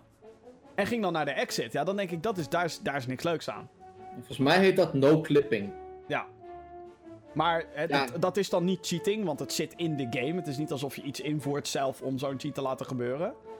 Dus dat is dan... Nee, nee, nee het, is is, een bug in het spel. Ik bedoel, En kijk, als dat af en toe wel eens, weet je wel, in een game zit, dat ze dan bijvoorbeeld een frame of een bepaalde sprong, dan vind ik dat wel dope. Maar eh, en het ironische vind ik ook, laatste verhaaltje wat ik je over ga vertellen, is dat heel vaak speedrunners eigenlijk de game niet meer spelen, maar een bepaalde sequentie leren en dat... ja, ja zo snel dat mogelijk doen. Het wordt een trucje. Ik heb eh, op Dreamhack heb ik een, eh, een Quake speedrunner gezien, Quake 1. Mhm. 1996, holy fuck. Ehm, en die eh, miste op een gegeven moment een sprong. Waardoor hij dus midden in een level terecht kwam. Oeps. En hij zat zo rond te springen en hij zei letterlijk... Ik weet niet, ik eens waar, ken dit level niet. ik weet niet eens waar ik ben. Ik weet niet hoe ik eruit moet. Hup, eh, level reset en hij ging het overnieuw doen. Dus Ja. die guy weet eigenlijk niet eens hoe het hele level in elkaar zit. Alleen de sequentie die hij moet leren. ja. En, en daar gaat voor mij wel een beetje de lol ervan af. Dan denk ik, oh ja, als het op die manier moet, dan moet je dus alleen maar eigenlijk... Ja, eh, een strat leren waarmee je een hoog tempo behoudt en that's it. Maar goed, dat is een beetje smaak ook natuurlijk. Ja, nee, maar dat, dat, daar verliest het voor mij ook wel de charme hoor. Maar gewoon het speedrunnen aan zich, waar, waarin, waarin er maar niet de hele tijd vanuit een onzichtbare muur wordt geopereerd, maar er ook, ook nog wat skill bij komt kijken of zo. Ja. Dat, dat vind ik heel tof. Ruben die vraagt, welke muis en keyboard raden jullie aan voor PlayStation 4? Budget is 80 euro. Hè? Ja, hier is mijn advies. Speel op PC met muis en toetsenbord en hou het op de PS4 een godsnaam bij een controller. Waarom zou je, waarom zou je een muis en toetsenbord op een PS4 gaan spelen? Eh... Ja, Eh, ik denk sowieso niet dat je dat voor 80 euro voor elkaar krijgt. Dat denk ik ook niet. Niet als je een beetje goede shit wil, denk ik. Ja, tenzij het gewoon USB-toetsenborden slikt, dan is het weer een ander verhaal. Maar dan kan je echt alles erop eh, aansluiten. ja. Eh, zoals, is Sony niet altijd van de proprietary... Weet ik niet. Maar kijk, als je dan denkt, hey, ik heb dan voordeel in Fortnite. Ehm, Epic, de ontwikkelaars van Fortnite, gaan dus voortaan ehm, eh, spelers met elkaar zetten in multiplayer matches, gebaseerd op wat ze ingeplucht hebben. Dus als je denkt, haha, ik ga al die controller noobs uitschakelen met muis en toetsenbord op PS4. Uh, uh, uh, uh. Dan gaan ze je gewoon met PC-spelers eh, eh, matchen die ook op muis en toetsenbord zitten. Ben je alsnog fucked. Dus nee, waarom zou je dat in godsnaam doen? Lorenzo, die mailt. concluderend, we hebben geen tips. Nee, eh, speel met controller. Punt. En anders, wat de fuck doe je dan met een PS4? Lorenzo, die vraagt: Beste geek, zijn jullie ook hyped voor Gamescom? En vooral dat je eindelijk de geweldige The Division 2 kan spelen. Hype! Groeten de financieel support van Ubisoft. Fucking hell. Ehm, ja, eh, ik ga naar Gamescom. Een paar dagen. Ik eh, Nou, ja. eh, ga daar niet met een camera heen. Ik ben wel van plan om daar een microfoontje en een opnameapparaatje mee naartoe te sleuren. Dus ik kan daar waarschijnlijk wel wat impressies en wat interviews opnemen met wat eh, developers. Dat wordt heel erg leuk. Ik ga er van alles nog wat spelen, maar wat, dat, dat zeg ik nog niet. Ehm, ik weet ook niet in hoeverre de partijen dat prettig vinden als ik dat nu allemaal de wereld in ga gooien. Ehm, de meeste zijn wel gewoon aangekondigde games daar niet van. Maar alsnog, eh, ja, ik ga er eh, twee of misschien drie dagen heen. Ehm, want verbazingwekkend genoeg, ik ging een rondje mailen toen ik eenmaal mijn perskaarten had. En toen was mijn schema binnen no time vol. Dus ja, dat. Dus ja, ik, ben wel, eh, ik heb er wel weer zin in. Het is toch een soort jaarlijkse traditie. Ehm, het wordt helaas niet eh 18 video's maken. Op zich is dat ergens ook alweer even relaxed. Zou ik wel knap van je vinden hoor. Ja, je, je kent me, hè? soms doe ik gekke dingen. maar eh, ja, dat. Ja, Gamescom, grootste gamebeurs van Europa. Ditmaal in Duitsland. Eh, of ja, elk jaar in Duitsland eigenlijk. Ja. Ga, ga jij nog, eh, Johan?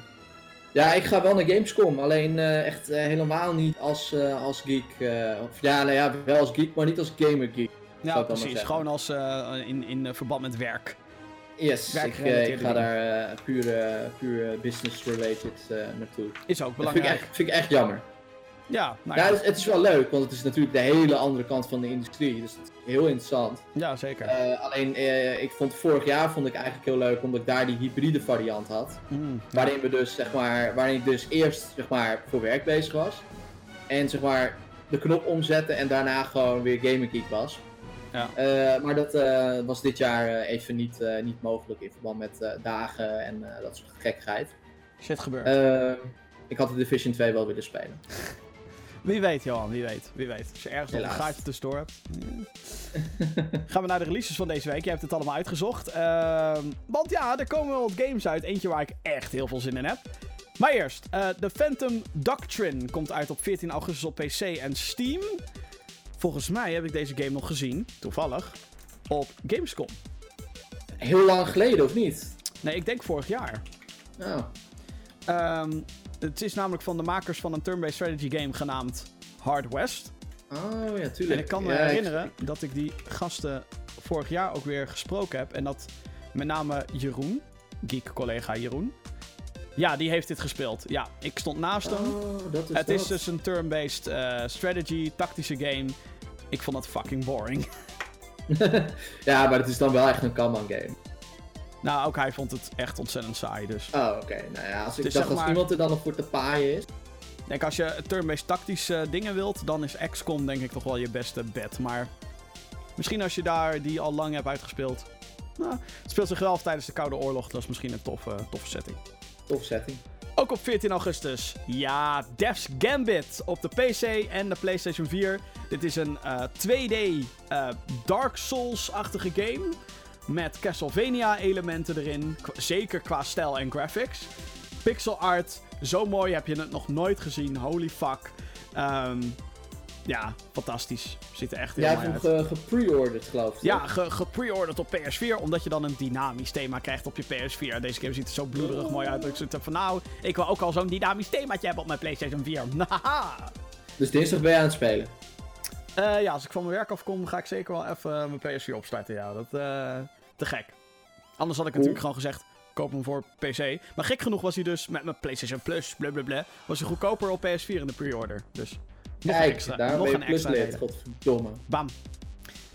Ook op 14 augustus voor PC, Steam, ga ik even vanuit PlayStation 4 en Xbox One. The Walking Dead, The Final Season, Episode 1. Van Telltale natuurlijk, de ontwikkelaars die eigenlijk eh, onder andere groot zijn geworden met het eerste seizoen van The Walking Dead game. Yup. Ehm, ik heb die nog nooit gespeeld. Ik weet het, schaam je Jim, fuck you, bla bla bla.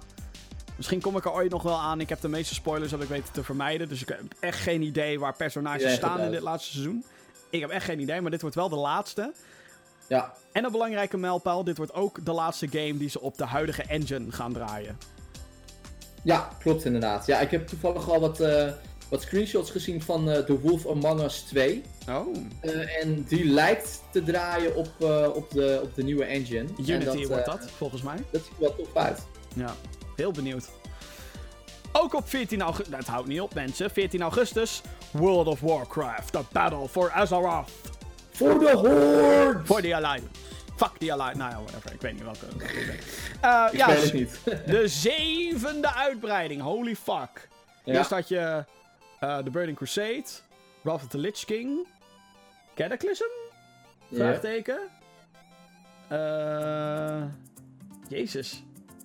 Ik heb het idee alsof ik er nu al eentje vergeet. Warlords of Draenor had je sowieso. Legion had Ja. je. Ik vergeet er Legion eentje. was de voorlaatste. Ik vergeet er eentje. Welke vergeet ik? Nou, dan deze, Battle for Azeroth. Maar dan zit ik op 6. Oké. Oh, eh Mist of Pandaria. Volgende week. Mist Oh. of Pandaria. Oh ja, maar de panda, de panda. die fucking panda's, ja. Tuurlijk vergeet je die panda's. Ja, eh, zevende uitbreiding dus. Holy fuck. Grootste dan ooit. Level cap omhoog. Meer klasses. Nieuwe, eh, noem je dat? Nieuwe provincies om te ontdekken. Nieuwe, nieuwe rassen, gewoon de, game nog groter. Nog groter. Meer World of Warcraft. Holy fuck. Wauw. Die game is al 14 jaar oud, hè? I Draait al 14 jaar. Holy I shit. know. Op 15, Bizar. augu- ja, op 15 augustus komt State of Mind uit. Ik heb hem staan voor PC Steam, PlayStation 4, Xbox One en Nintendo Switch. Een sci-fi adventure game. Heel erg stylized en zo. Ja, ziet er tof uit. Echt een vet stijltje. Ja. Moet wel zeggen dat deze toko altijd wel iets doet met mooie eh, graphics. Welke toko hebben we het over? Eh Daedalic Entertainment. Oh ja, ja die, zij zijn echt van die adventure games, hè? Zo'n eh, Ja, point-and-click Dus eh, ik hoop studio. dat dit iets minder traditioneel is en iets meer mainstream. Ah ja. Oké. Ben benieuwd. En als laatste, ook op 15 augustus op PC slash Steam, Hero Defense. Ja, Het is een hack-and-slash game, of eigenlijk een tower defense game, waarin je dus, komt er zo'n horde langs een lijn en moet je daar torentjes langs plaatsen. Maar dan dat jij en een party meedoen en mee kunnen hakken, à la Diablo-stijl. Ehm, met een Halloween-thema, want je, bent, eh, je gaat op jacht naar de machtigste vampier ooit. Alhoewel we eigenlijk allemaal weten dat dat Dracula uit Castlevania is, maar who cares? nee, er moet toch wat. En dat zijn de releases van deze week. Al met al niet slecht. Natuurlijk geen big budget release, behalve World of Warcraft. Maar voor de consoles, eh, Death's Gambit voor PS4, denk ik. stilte voor de storm. Ja. Echt, maar echt een grote storm die gaat komen. Holy fuck.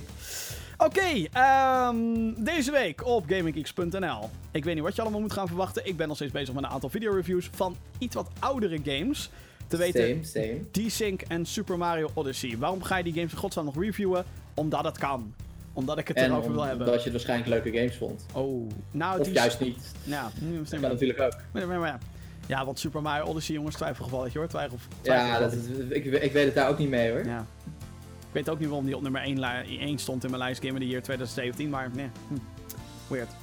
Ehm, ik ga overigens niet garanderen dat ze allebei deze week verschijnen. No way.